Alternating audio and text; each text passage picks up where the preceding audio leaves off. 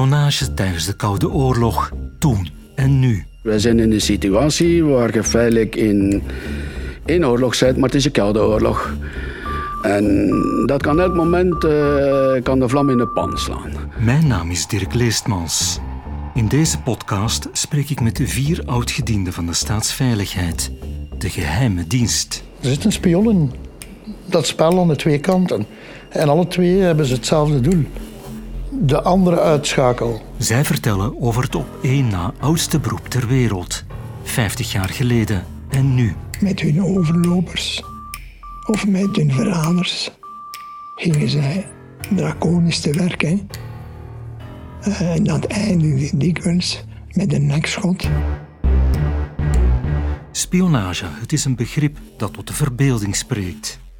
Maar achter de verbeelding zit ook een realiteit. Die realiteit lijkt met de oorlog in Oekraïne weer helemaal terug. Maar wat is die realiteit dan precies? Hoe werkte onze staatsveiligheid in de Koude Oorlog? En wat kunnen we uit die periode leren over de huidige toestand?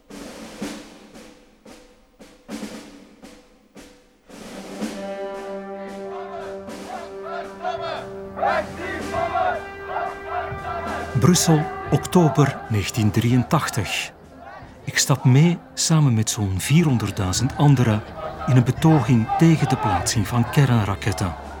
Het was een van de grootste naoorlogse betogingen in ons land.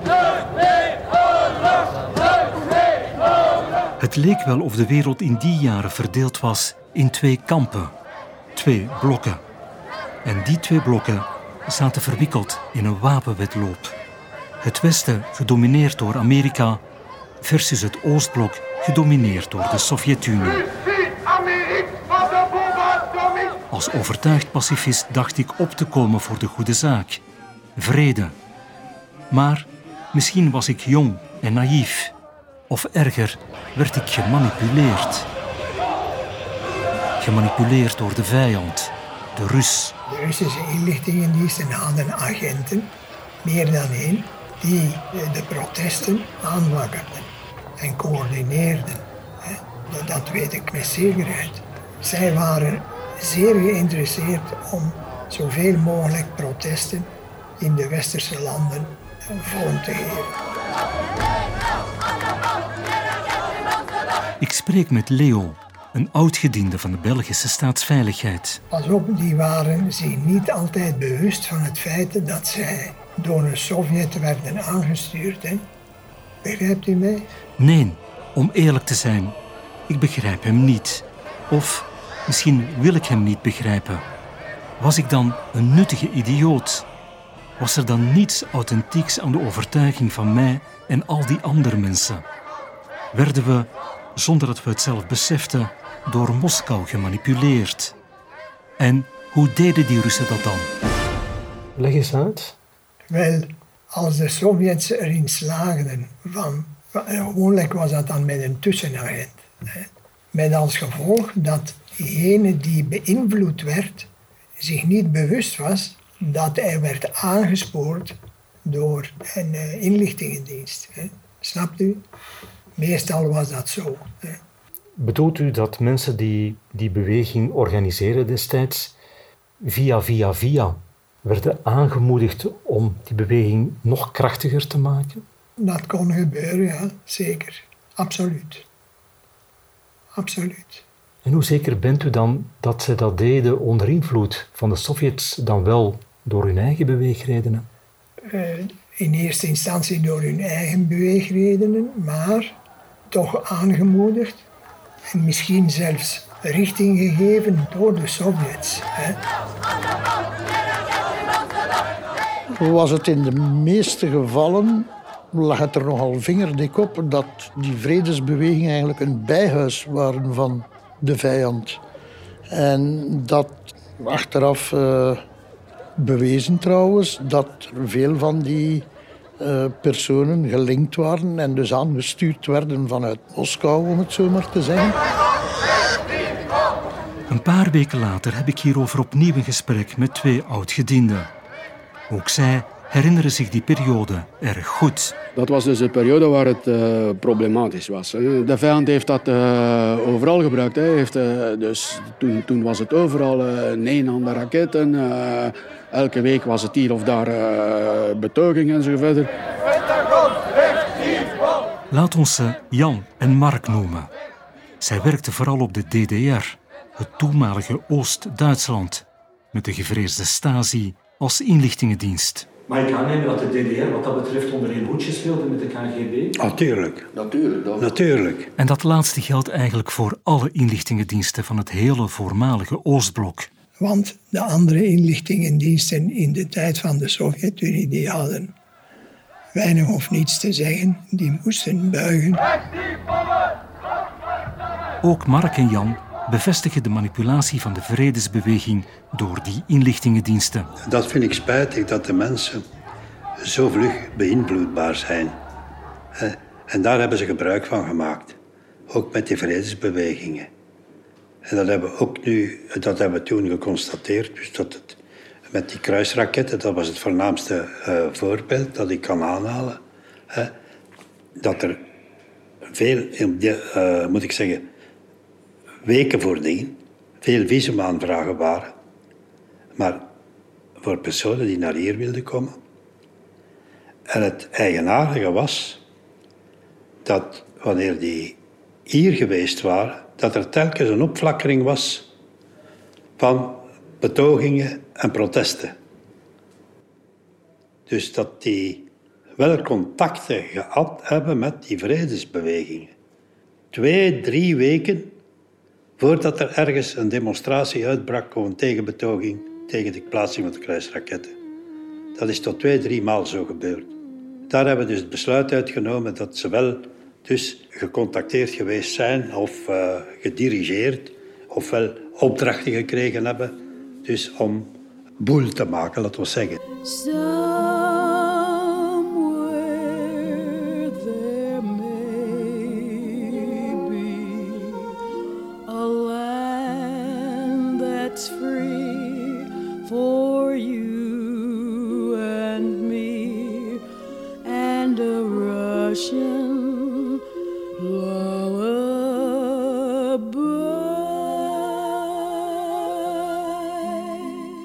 Vredesbeweging gemanipuleerd door de Russen. Het blijft even nazinderen in mijn hoofd. Hoe moet ik dat nu begrijpen? Wat klopt hiervan? Ik leg de uitspraken voor aan mijn collega Stefan Blommaert. Hij is historicus en werkte zo'n 40 jaar op VRT Nieuwsdienst als journalist, gespecialiseerd in Oost-Europa. Wel, ongetwijfeld zullen er eh, contacten geweest zijn met mensen uh, uit die vredesbeweging. Het kwam Moskou natuurlijk heel goed uit dat die vredesbeweging ijverde voor ja, bijvoorbeeld het uitstappen van uh, België uit de NAVO. Hè. Of uh, voor ontwapening en zelfs unilaterale ontwapening. Dat was een droom voor, voor Moskou natuurlijk. Hè. En tegen de installatie van kernraketten hier in België, in Florence dat, was, dat waren de grote strijdpunten van de vredesbeweging in, uh, in de jaren tachtig. Dus uiteraard dat Moskou daar heel hard in geïnteresseerd was en dat ze zeker pogingen zullen hebben ondernomen om daarin te infiltreren. Maar eigenlijk was die infiltratie ook niet echt nodig, want ja, de vredesbeweging zegde al wat hen eigenlijk heel goed uitkwam. Um, maar het zal niet alleen de vredesbeweging zijn. Zij zaten overal, zoals ja, dat is wat spionagediensten overal ter wereld doen en van alle landen. Dat is om te proberen om invloed te krijgen. In politieke invloed is natuurlijk het, eh, het allerbelangrijkste. Uh, dat hebben zij ongetwijfeld bij ons gedaan. Los nog even van de vraag wat de impact van die Russische invloed was, vraag ik me af hoe ze te werk gingen. Een van hun systemen was dus ze, ze, hadden ook een paar uh, satellietlanden die toeristisch zeer aantrekkelijk waren. Hè. We spreken dus van Roemenië en Bulgarije. Ja, je kunt daar rustig wat in de zon zitten. En, heel, en uh, er wordt natuurlijk wel eens wat gedronken, gedanst, uh, gezeverd en de een en ander tegenkomt. Dus daar kun je ze gemakkelijker onder handen nemen dan in Brussel of in Antwerpen of in Kortrijk, waar de veiligheid van de staat is.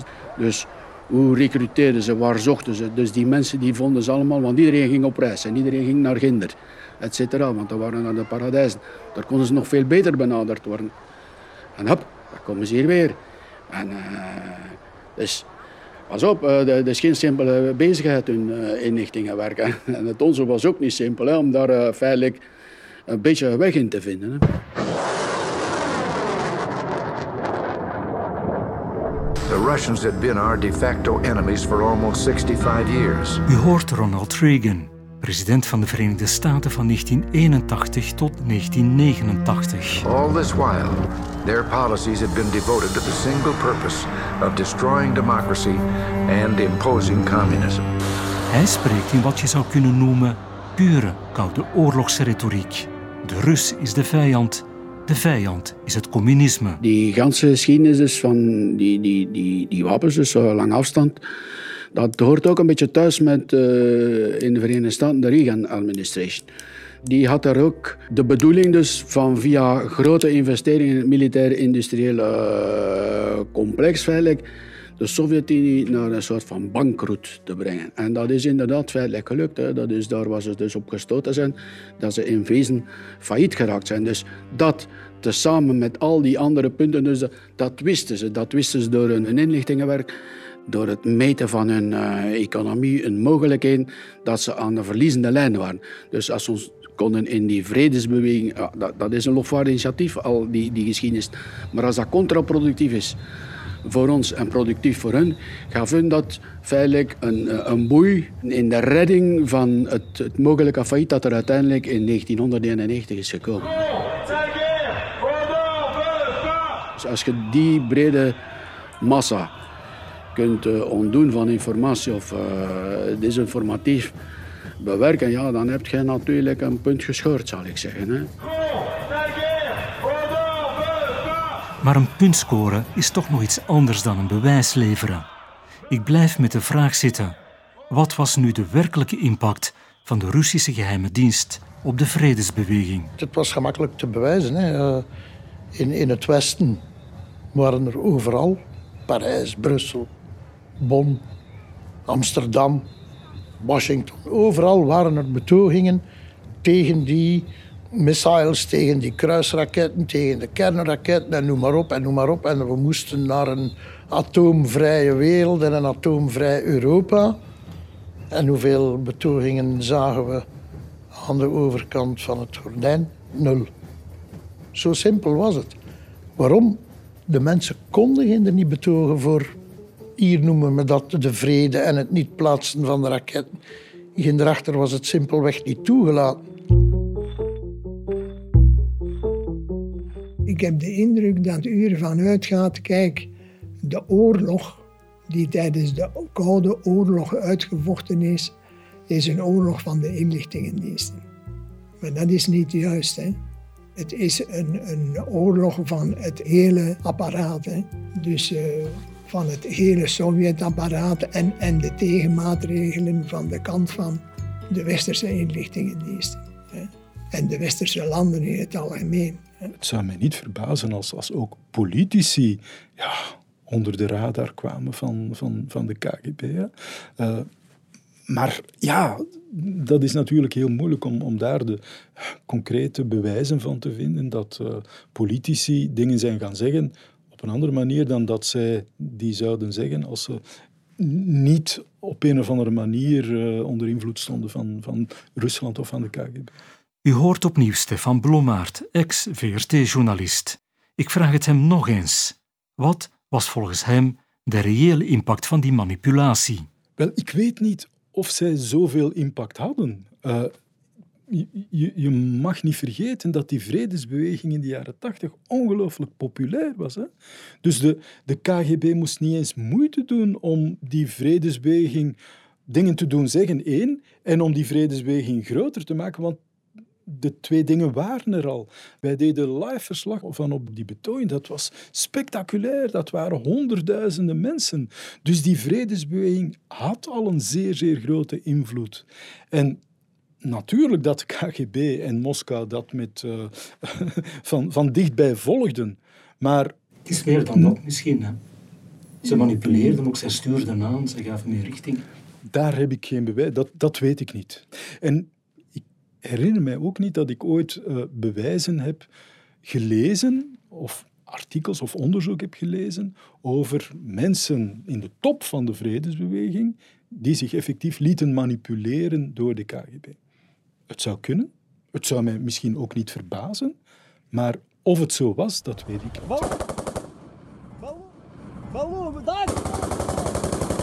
Inlichtingendiensten.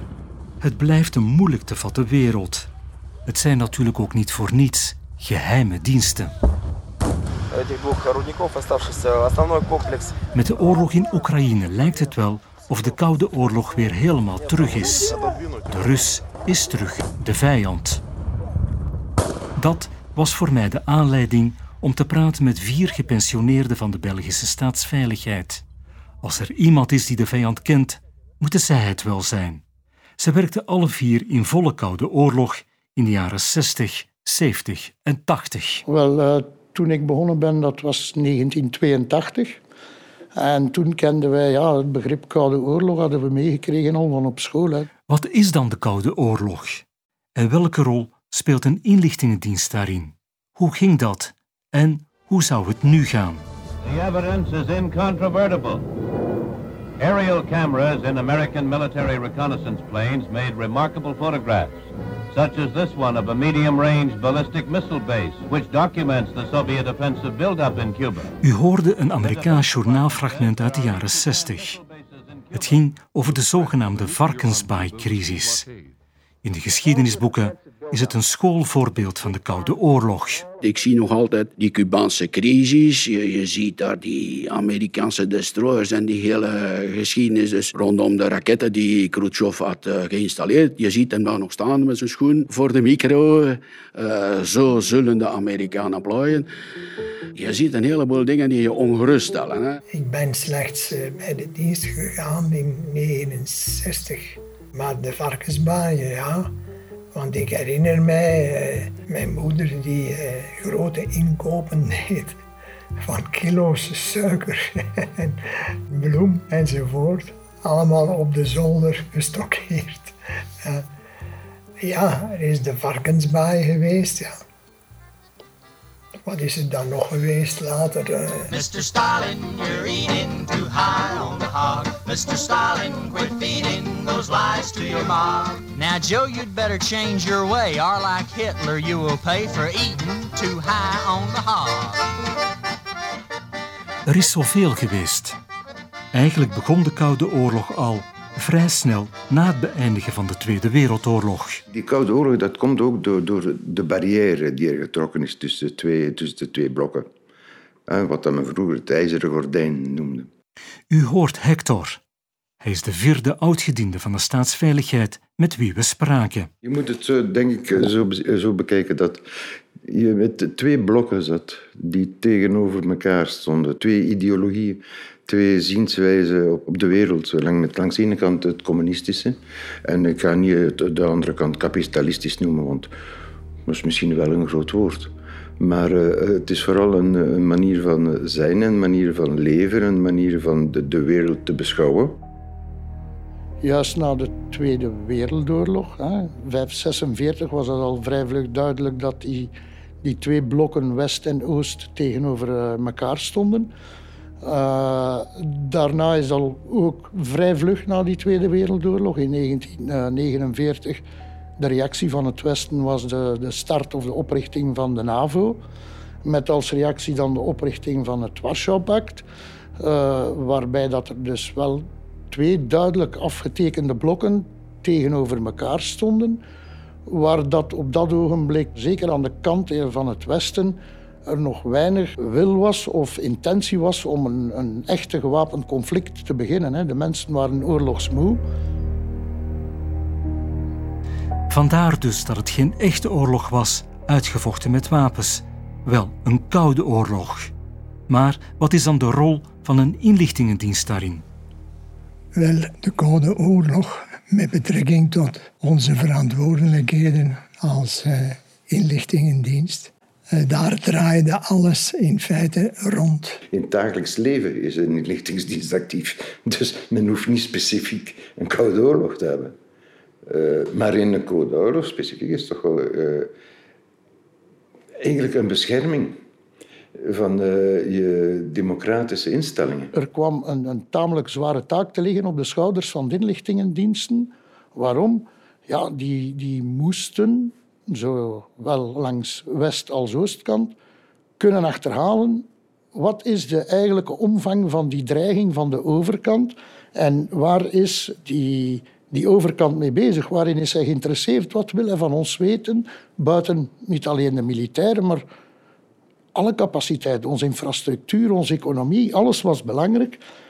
En natuurlijk, het wordt eh, nogal vrij eenvoudig gedefinieerd als zijnde het was een periode van gewapende vrede. Maar dat wisten de Romeinen ook al. De Romeinen uh, hadden een van hun grote spreuken van se vis pacem parabellum. Als je vrede wilt, bereid je voor op de oorlog. En we waren eigenlijk in een beetje in een dergelijke situatie op dat ogenblik. En er lag dus een, een zware taak bij de inlichtingendiensten om de overheid op een degelijke manier te kunnen eh, inlichten over wat is er gaande aan de overkant en wat is de dreiging die van die overkant uitgaat. Ik denk dat van levensbelang is. In ieder geval, het is altijd zo geweest, zelfs uh, dat men gaat van door de eeuw dat weten wat dat de andere van plan is, die altijd ergens een voordeel geeft. En dat is altijd het doel geweest. Niet speciaal om de andere binnen te vallen, maar om je eh, te verdedigen en te weten hoe je het moet doen. Trouwens, door de eeuwen zijn er altijd inlichtingendiensten geweest. Je hebt eigenlijk het op één na oudste beroep ter wereld voortdurend uitgeoefend. Ja, ja, ja, inderdaad. Inderdaad. Misschien hebben we het tegelijk gedaan, ik weet niet. Comrades, why are you looking so glum? We have a small public relations problem. But we can use the madness of the traitor Sergeyevsky to our advantage. If they want to play games other than chess, then we will be in our element. Comrades. Het is dus de bedoeling dat de inlichtingendienst inderdaad informatie vergadert, maar hij moet die informatie omzetten in inlichtingen. In, in de Tweede Wereldoorlog was er iemand, toch niet een onbelangrijk persoon, Winston Churchill, die het ook al begrepen had, die toen al wist, intelligence is knowledge en knowledge is power. En dat was in die periode ook zeker van toepassing.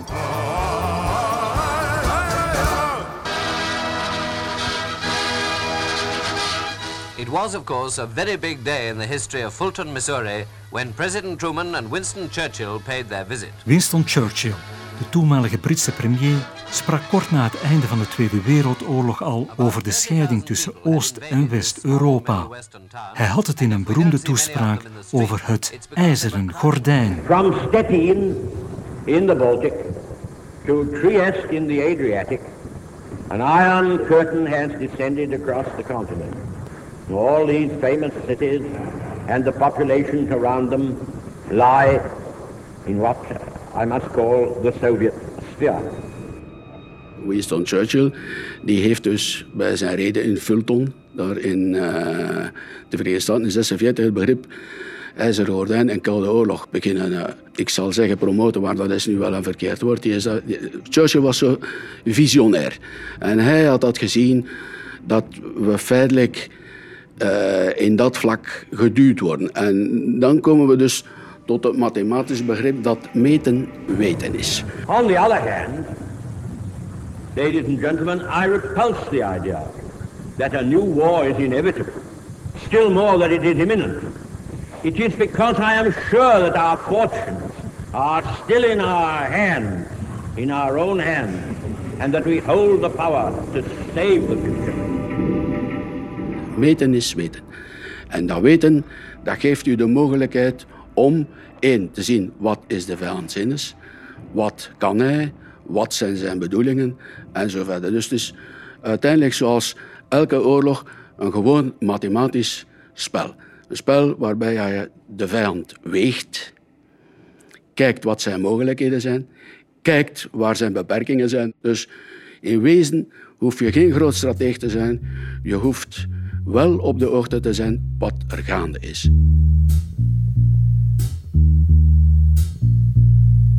Het was een kwestie, zo leer ik, die ook in de Vlaamse huiskamers leefde. Ik wil er ook op, uh, op aanvullen dat, dat uh, maatschappelijk gesproken, omdat het woord uh, Rus, Sovjet, vijand hier gebruikt wordt, dat dat begrip toen der tijd ook gebracht werd tot bij moeder aan de haard. Wat wil ik daarmee zeggen? Iedere gezin had wel een zoon die legerdienst had. In zijn opleiding van de simpelste militia tot vorming tot onderofficier of officier, die werd in zijn eerste week van zijn opleiding geconfronteerd met de Rus is de vijand. De Sovjets, dat zijn de vijanden. En dat, dat was echt schrikwekkend voor die jonge man van 18 of van 20, die daar dan willen stil met mama en papa aan de haard begon over te spreken. En dus dat begrip van die vijand die zit ginder, die is daar effectief aanwezig. Dat gevoel was ook aanwezig in de huisgezin.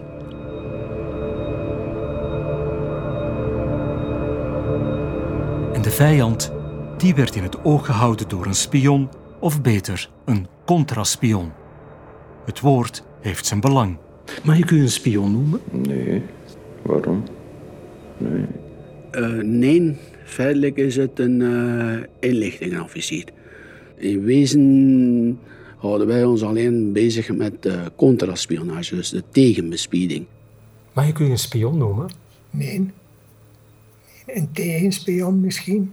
Een tegenspion. Een contraspion. Contraspion. Maar geen spion, want als u het woord spion gebruikt, dan denk ik altijd aan offensieve actie. Dat wil zeggen de grens over en in het buitenland actief gaan zijn. Zij zijn spionnen. Zij zijn spionnen vanaf het ogenblik dat zij actief worden in België. We zijn inderdaad inlichtingenofficieren. En wij hebben in feite juist het tegenovergestelde als opdracht. Het kwade te bestrijden, en daarmee bedoel ik met het kwade, hetgeen kan schadelijk zijn voor, voor mijn maatschappij waarin dat ik leef en de waarden die ik verdedig. En dat is zeker niet de bedoeling van een spion, want die zijn er juist, uh, die staan loodrecht tegenover. En, en ik zou me zeker nooit uh, beschouwen als een spion. De begrippen zijn duidelijk. Er is spionage en contraspionage. En enkels zij die zich bezighouden met het eerste, mogen spionnen genoemd worden. Spionage en contraspionage, dat is uh, uiteindelijk uh, positief en negatief. Maar ja, om stroom te krijgen moet je de twee polen aansluiten, bij manier van spreken. Spion of contraspion. De gemiddelde burger associeert de job hoe dan ook met een spannend leven. Met snelle bolides, vol met technische snufjes, tussen mooie verleidelijke vrouwen. Kortom, James Bond.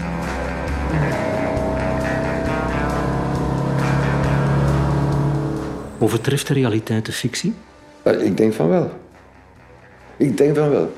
Buiten dat in alle eh, dames waar ik mee gewerkt heb, nooit zo geen pin-ups waren zoals in James Bond. En dat vond ik dan wel zeer spijtig en frustrerend. Maar voor de rest, ja. Uh, in de, natuurlijk in het materiaal niet. En we hebben geen wagens die vliegen en, uh, en, van die dingen. Maar in het plannen denk ik dat het soms de, de, de realiteit, de fictie voorbij gaat. Hoe meer volk in uh, de cinema, hoe beter en zo verder. Dus dat wordt allemaal wel wat opgeblazen. En dan heb je dus die typische aangelegenheden Zoals bijvoorbeeld uh, de James Bond geschiedenis en zo verder. Ja, dat is er uh, serieus over bij manier van spreken. Hè.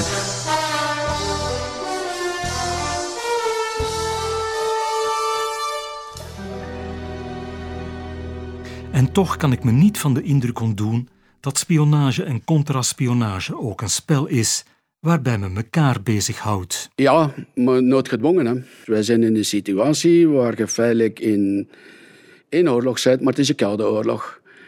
En dat kan elk moment uh, kan de vlam in de pan slaan. Beide partijen weten van elkaar dat ze door de ander in het oog gehouden worden.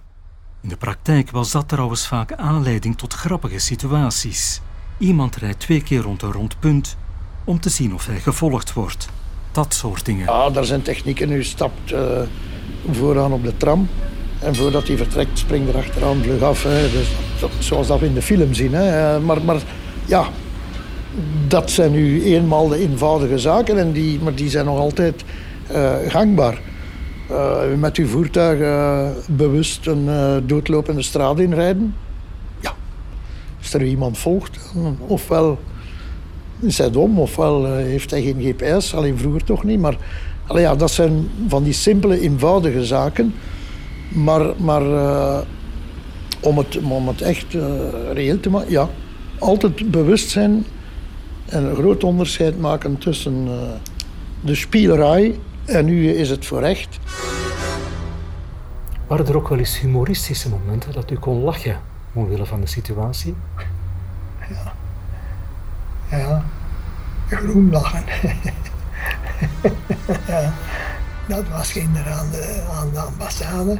En uh, op een gegeven ogenblik bevindt een interessante wagen zich voor mij.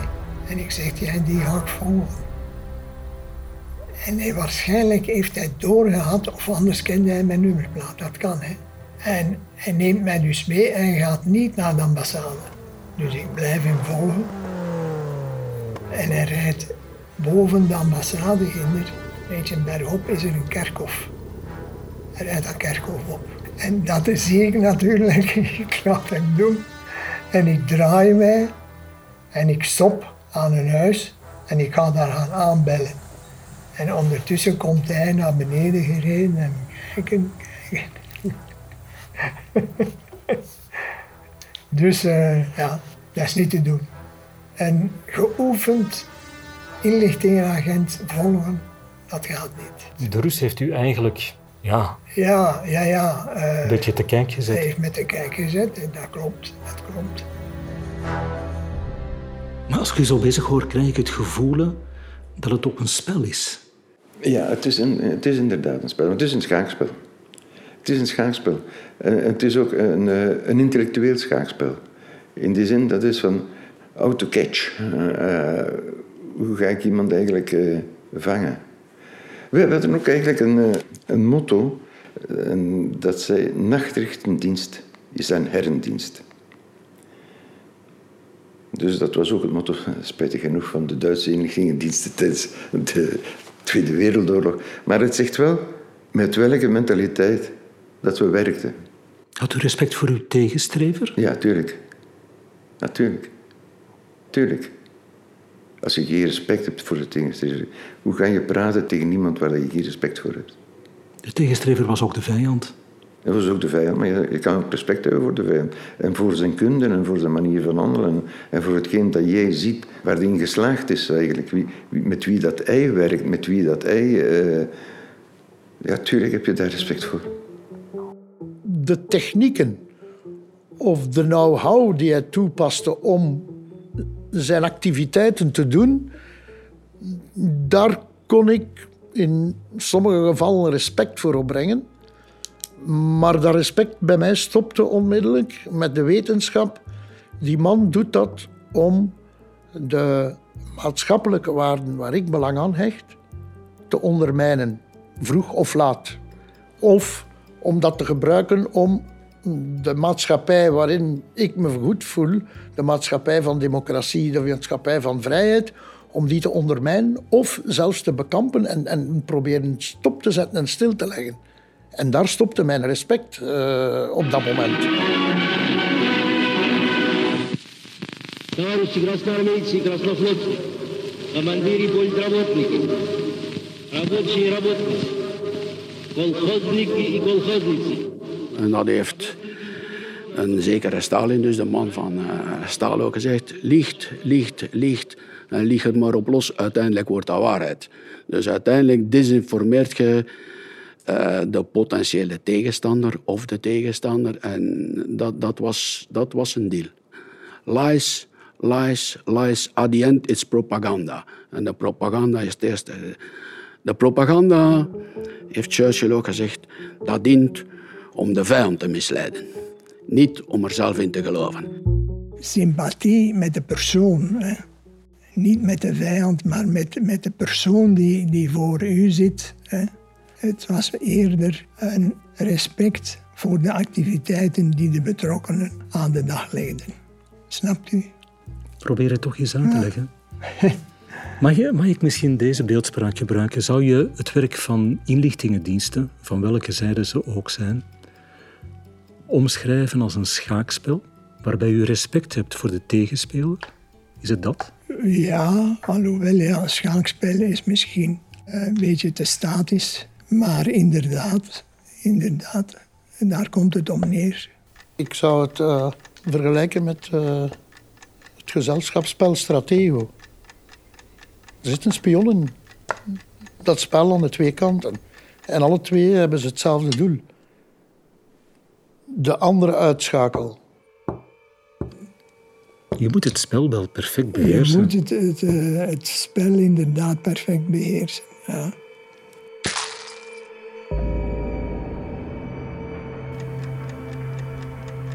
Het, het, is een spel, maar de inzet is groot of hoog, laat maar zeggen. En het spel, of, of laat ons zeggen, de, de actie, kan je als een spel beschouwen, maar niet te lang en ook niet in te grote mate. Uh, terugkerende op, wat willen die eigenlijk? Hè? Die willen ons onze ondergang, bij manier van spreken. En met dit in het achterhoofd, ja, dan, dan verandert het spel uh, vrij vlug in ernst. En uh, soms werd dat spel door de tegenstrever vrij agressief gespeeld. En de laatste decennia hebben dat eigenlijk nog bevestigd. Hè. En dan spreek ik echt over het vermoorden, over het uitschakelen van hun tegenstrevers. Hè met hun overlopers of met hun verraders gingen zij draconisch te werk. Hè. Eh, en dat eindigde dikwijls met een nekschot in de kelders van het Dzerzhinsky-gebouw. En de familie, eh, die, de, de, het gezin, die moesten op geen genade rekenen. Die waren gedoemd om voor de rest van hun leven ja, een, aparte status te ondergaan. Ja, men, heeft in Engeland heeft men een paar moorden. Nu heeft men er veertien uh, oligarchen die of van een trap vallen of, uh, of verdrinken of van hun boot vallen. Maar ligt hem anders. Dat, dat, is intern, maar ik bedoel... Het geeft wel te denken, hè? Ja, dat geeft te denken, ja. ja. Maar uh, als je aan het recruteren bent en als inlichtingsagent, dan denk je vooral aan de veiligheid van de persoon die voor je werkt. En dan tracht jij zo goed mogelijk te zijn dat hij geen risico loopt. En alleszins geen risico loopt door jouw fout.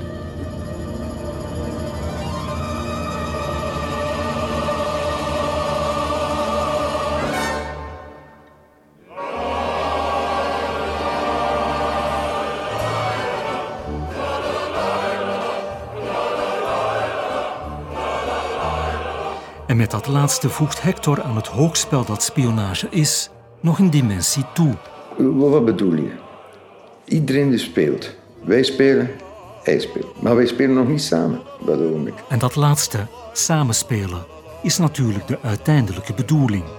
Het kwam er in de Koude Oorlog niet alleen op aan spionnen van achter het ijzeren gordijn te ontmaskeren. Beter nog was hen te recruteren, hen te laten overlopen hen voor jou te laten werken, samen te spelen. Hetzelfde gezegd met andere woorden, u vraagt eigenlijk ook niet niets. U vraagt eigenlijk van voor een stuk ook vals te spelen. Eh, niet van voor een stuk vals te spelen. Niet voor een stuk, volledig. Niet voor een stuk. Je begint met een klein stukje, maar tenslotte vraag je dat die man verraadt, laat dat uh, het woord eigenlijk gebruiken. Ja? Ja.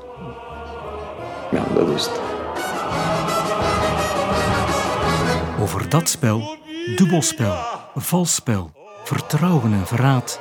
Meer in de volgende aflevering van deze podcast.